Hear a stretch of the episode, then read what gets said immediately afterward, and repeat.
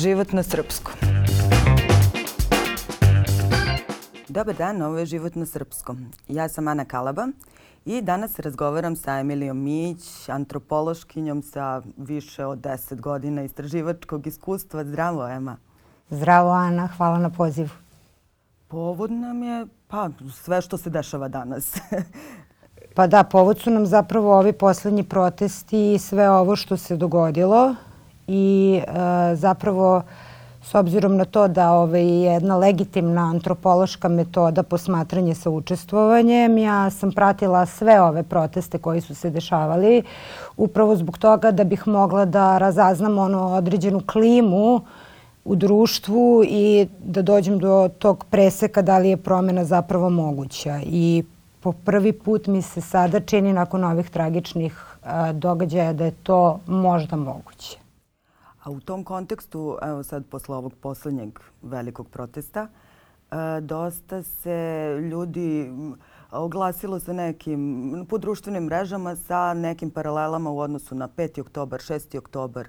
Jel ti to vidiš? E, pa mislim, ovde živimo paralelnu stvarnost, pa se tako paralelno i koristi kultura sećanja. Ove, ovaj, ja ono što sam zapravo čula iz medija jeste taj negativan kontekst o 5. i 6. oktobru, zapravo percipiranje njega kao nedemokratski način e, preuzimanja vlasti od strane sadašnjeg režima.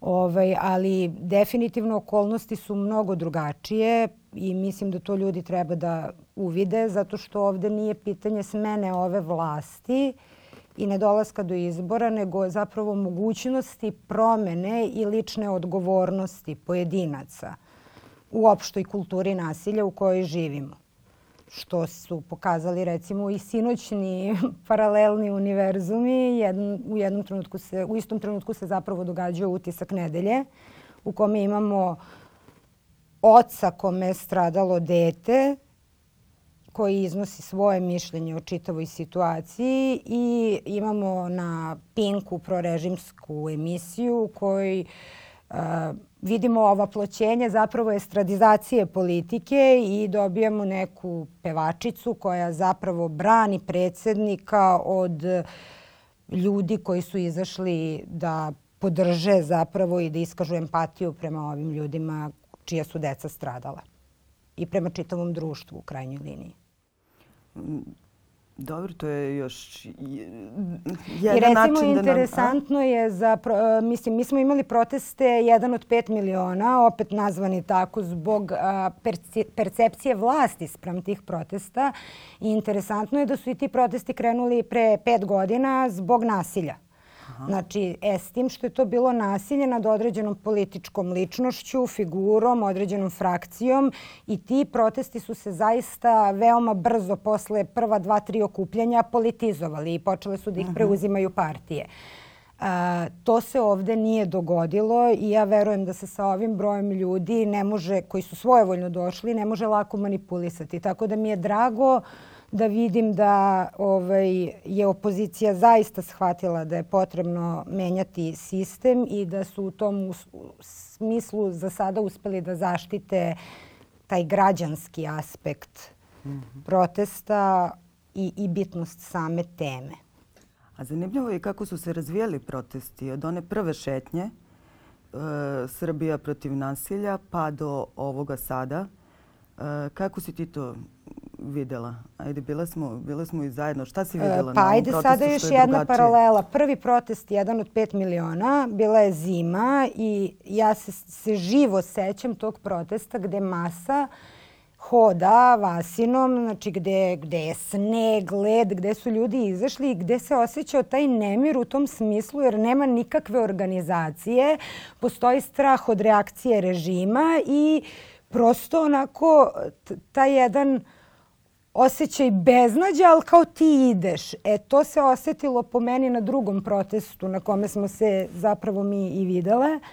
Ovaj, taj, taj, uh, taj loš osjećaj. Međutim, uh, za dobar osjećaj se dogodila, čini mi se, kritična masa prošlog protesta. I ona je zapravo izazvana isključivo simbolikom i retorikom koju režim i vlast šalju, a ne bilo koji drugi politički akteri. Tako da, mislim, mitovi su nekada služili, oni su zapravo inverzija stvarnosti, služili su a, narodima u starim civilizacijama da im ukažu na nešto što nikako ne sme da se dogodi. A mi živimo zapravo mitologiju stvarnosti. I u realnom vremenu nam se događa da slušamo mitove, a živimo potpuno drugačije. Tako da mislim da je ovaj, taj simbolički nivo ovaj put prevladao. A koji su ti mitovi koji su problematični i koji se sada zloupotrebljavaju na sve strane? Pa mislim uopšte ono mit o tome da empatija sa žrtvama može biti politički iskorišćena. Takođe mit o tome da sistem funkcioniše u trenutku kada evo 20 dana kasnije mi vidimo da oni opet represivnim metodama jedino žele znači i da represivnom metodom vrate učenike. Jedino, jedno i prvo od ponuđenih e, rešenja je bilo po, povećana količina policajaca u školama, a zapravo o nekoj psihološkoj podršci se uopšte ne priča. Mislim, mi smo imali situaciju pandemije pre dve godine i postojala je tri zapravo već i bila je e, organizovana online nastava. Ja ne znam zašto u ovom trenutku nije organizovana online nastava za učenike iz Ribnikara koji ne žele da odlaze više u tu školu. Mislim, danas je isto, sam jutro slušala, jedna majka rekla naravno da postoji deči kulturni centar na Tašmajdenu. Znači, postoje mnogi alternativni prostori gde bi ta deca mogla u grupi da prevaziđu zajedno traumu koja im se dogodila. I mislim, to nije stvar psihologa i individualnih ljudi, nego podrške društva koja apsolutno izostaje. Mislim, a to je ovaj, zapravo, da, ono, posledica kapitalizma, pogotovo uvedenog ovde na način koji potpuno nema veze sa bilo kakvim zakonima, niti tržišta, niti zdrave logike. I to je ono kada se zapravo koncept sreće zamenjuje konceptom uspeha. I to je ono što je ključni problem zapravo danas. E to mi je zanimljivo da ti sa tvo, iz ugla tvoje profesije objasniš. Dosta stru, stručnjaka se ovih dana javilo da poku, u pokušaju da nađe razlog zašto nam se dešava ovo što nam se dešava.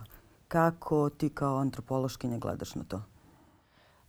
Pa ja smatram da, ovaj, mislim, generalno u kasnom kapitalizmu, o tome je pisano 80. godina, ljudi postaju nostalgični zbog toga što im se zapravo referentni sistem vremena i prostora i načina života promenio.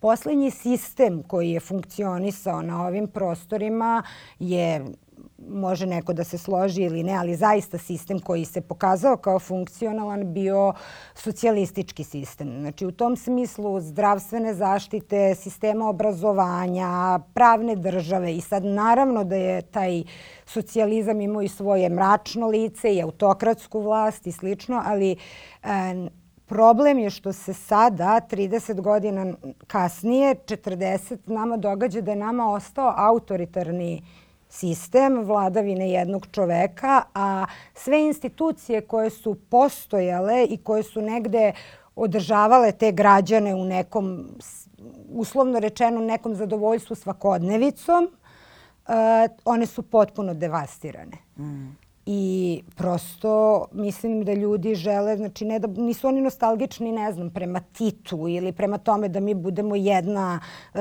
zemlja od 18 miliona, nego su upravo uh, nostalgični za tim vrednostnim sistemom koji se pokazivao svaki, svakog dana, znači odlaskom kod lekara, u školu, mislim prosto čak i u to vreme su postojali određeni instituti ili mislim naučne zajednice koje su imale drugačije mišljenje, ali su postojale. A vi danas, recimo evo konkretno moje dve veoma renomirane koleginice koje se znači čitav život bave radnim pravima, danas u Srbiji nisu mogle da objave rad o siromaštvu, o stopi siromaštva. Ali taj rad je prošao u stranim recenzijama, što znači da je on naučno potkovan.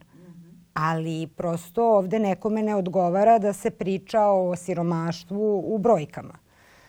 Mislim, tako da, a problem je i korišćenja statistike, jer recimo uh, uh, postoji veliki broj danas žena u politici i recimo u tom parlamentu brojčani, ali ako su one glasnogovornici represivnog režima, njihova rodna pripadnost apsolutno u tom trenutku postaje nebitna. Tako da mi živimo neku kao formu da bismo zadovoljili nekoga s polja, a unutra se zapravo dešavaju samo sve represivniji i represivniji e, metode, sve represivnije i represivnije metode sada prema svim grupama stanovništva, pa evo, nažalost, i prema deci u osnovnim školama. Mm. Pa dobro, ali sve smo to primećivali već neko vreme puca na sve strane već neko vreme. E, mi izlazimo, šetamo zbog ovog, zbog onog. E, kako se desilo da dovde dogori? Pa nismo dovoljno šetali. Mm.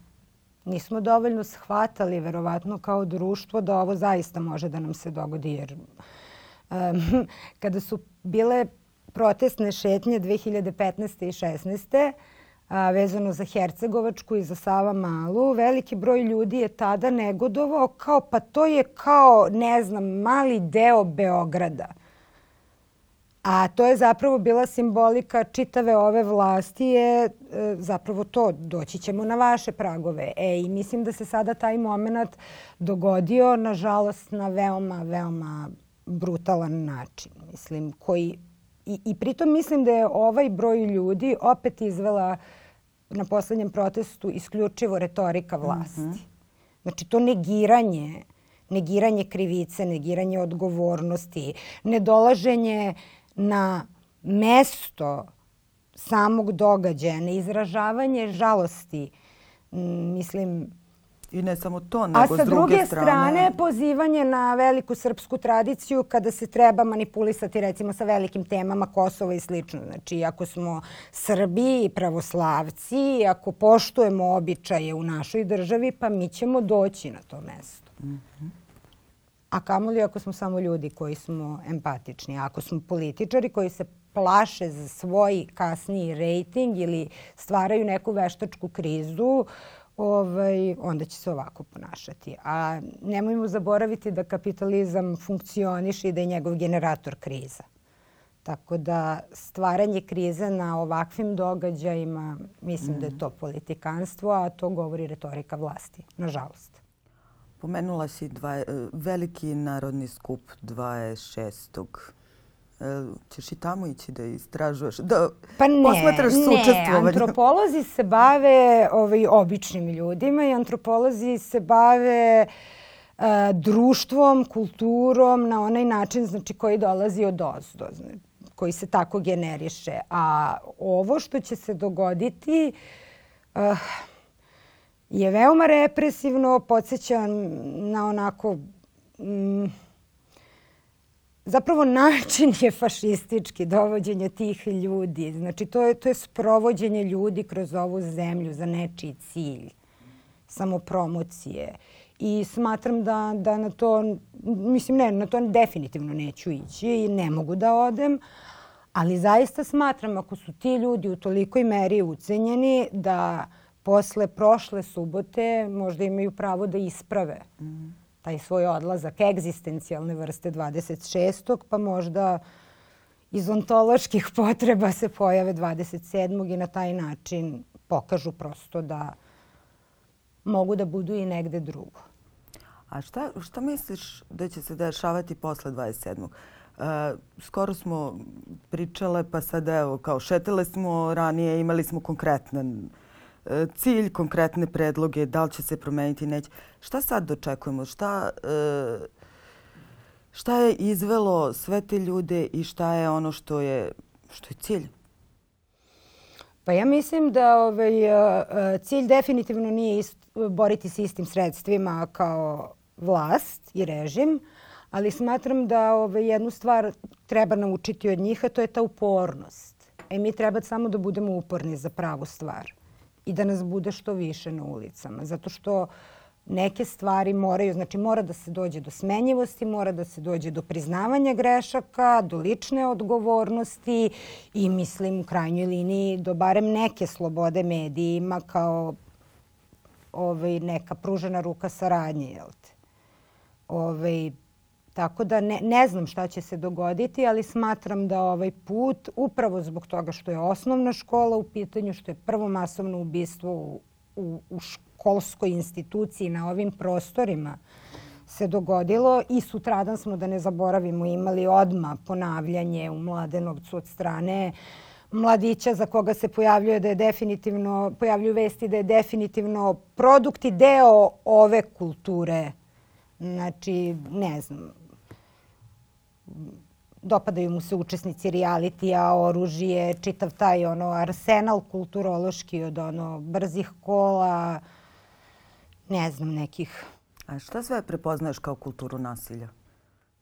Uh, pa, uh, ja smatram da kultura nasilja zapravo ovaj, kreće iz tog ličnog obraćanja. Znači, ton koji vam se ne, neko obraća, način na koji percipira svoje građane, u koju ulogu ih stavlja, kojim nazivima ih naziva u krajnjoj liniji, vama govori o kontinuitetu jedne represivne politike nasilne. Znači, ako su ljudi iz 2015. i 16. E, hteli da brane pacove, zmije i narkomane, a sada su lešinari i hijene, a potpuno su dve različite stvari u pitanju što se tiče protesta, onda jedino što logično može da se zaključi jeste kontinuitet te nasilne režimske retorike koja je apsolutno ušla u sve pore društva. Znači od medija, zabavnog programa, informativnog programa, e, estradizacija politike, politizacija estrade, mislim taj neki simultani proces koji se događa,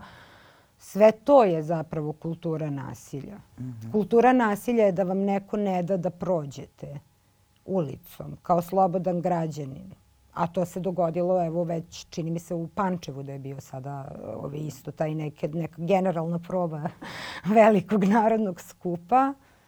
I mislim strašno je zapravo kada neko sebe ovaj, vozdigne na taj nivo da mu trebaju veliki mitinzi da bi u ovakvom trenutku saopštio uh, bitne stvari za društvo svom stanovništvu, mislim. Tako da ne znam, ono, čekamo još jednu predstavu 26. pa onda da se prošetamo 27. Videćemo zapravo, mislim, nismo očekivale ni prošlog petka ovaj broj ljudi i tu vrstu nekog kolektivnog oslobođenja. Tako da ja verujem da samo treba da pustimo predsednika da radi svoj posao i da će onda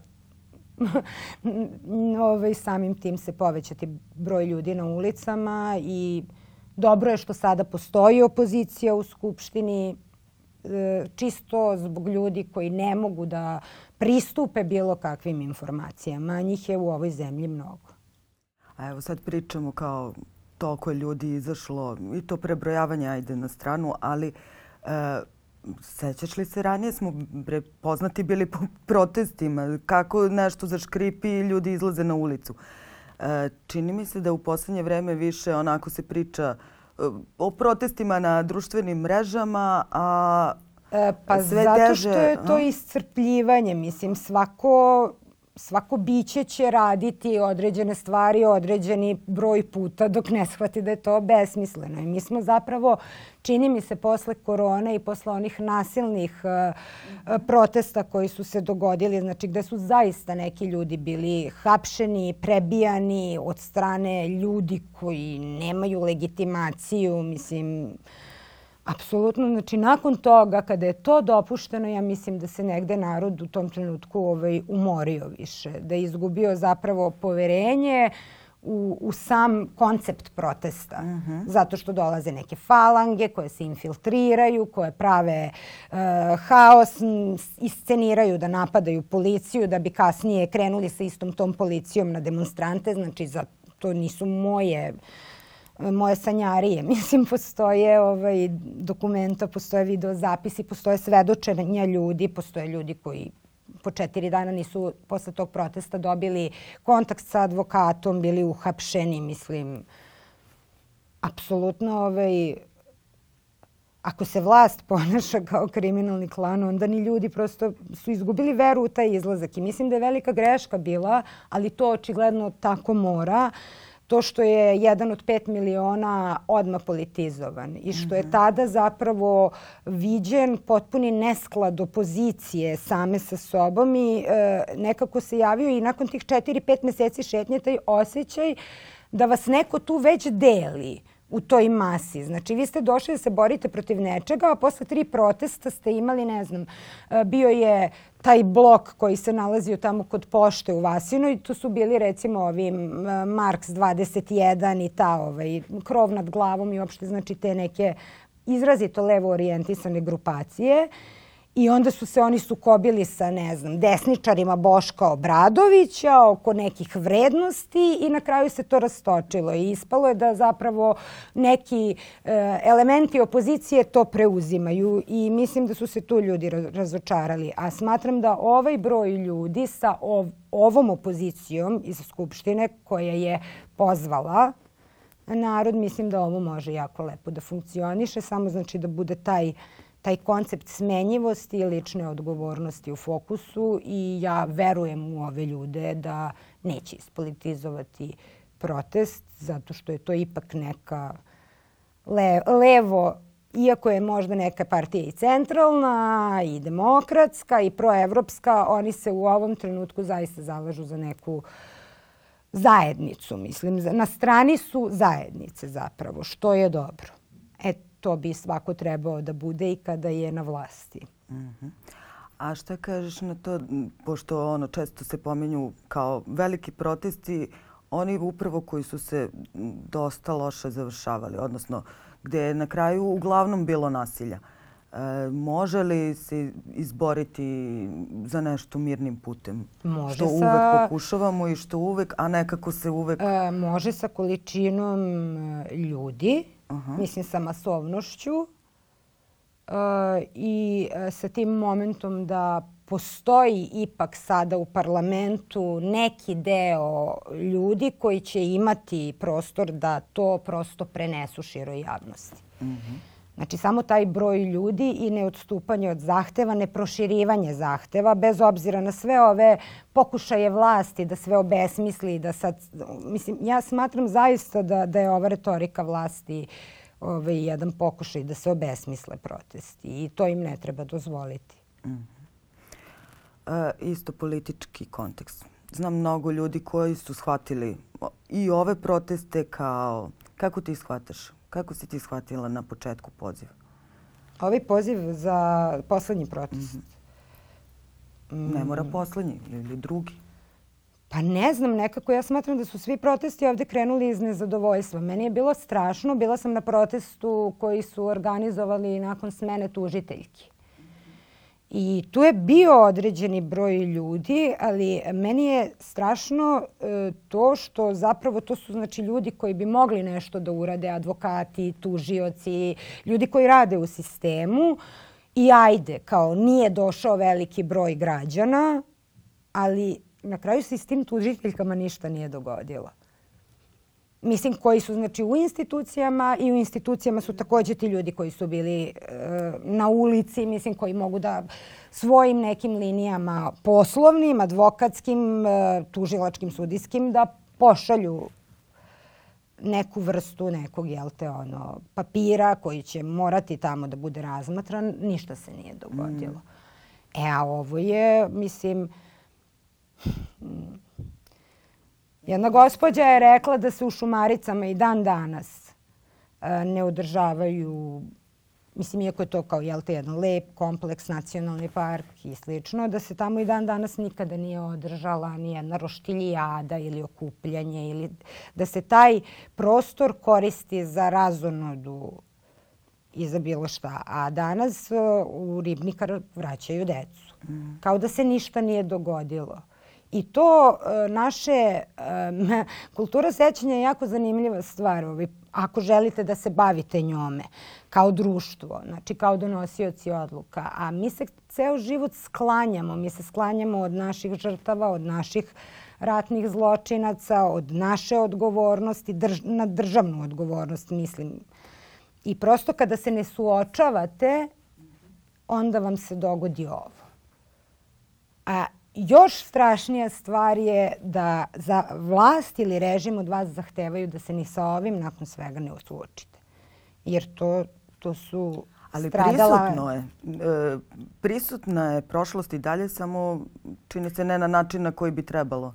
Pa recimo kad smo kod protesta, ajde, postoje veliki i mali protesti. Uh, ja sam izlagala neki rad o muralu Ratka Mladića. Znači, uh, u zapravo o dešavanjima, prošle godine o dešavanjima vezanim za mural Ratku Mladiću koji je osuđeni ratni zločinac. Znači, mi imamo državu koja je proevropski politiku koja je proevropski orijentisana i koja bi navodno trebala da poštuje te odluke tih sudova.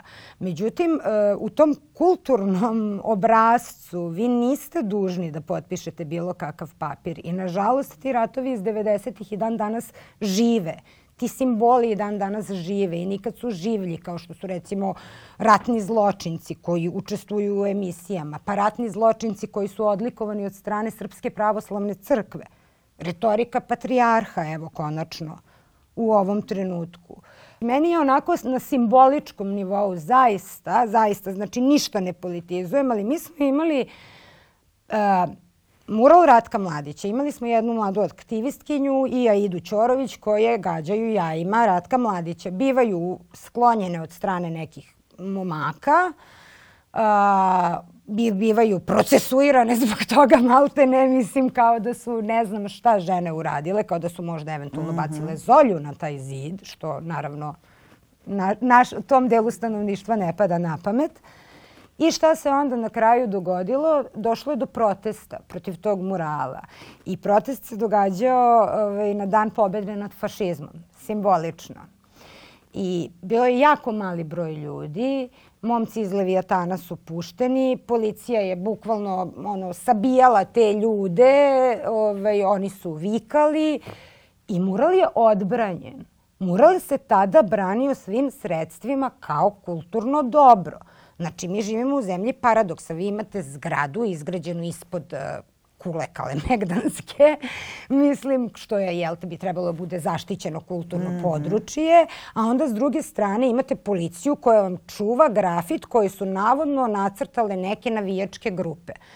E, I ono što se dogodilo sa tim istim grafitom nakon tragedije, što je meni bilo strašno, jeste da su iz da su došli ove, isto iz tog zeleno-levog fronta, okrečili mural i nacrtali srce. A onda je preko tog srca neko nacrtao, precrtao logo Happy-a i Pinka i konačno je taj grafit ubijen. Mm -hmm. Ali, Ali šta je moralo da se desi? Da se fokus ovog društva skloni sa odbrane jednog murala koji je prekrečavan 15 puta, gde su stanari reagovali, grad, mislim, prosto različita udruženja. Mi imamo problem s tim grafitom godinu i po dana. I njega više nema zato što se nalazi u blizini osnovne škole u kojoj se sve ovo dogodilo. E to je nasilje. I to je nasilje koje mi gledamo svaki dan.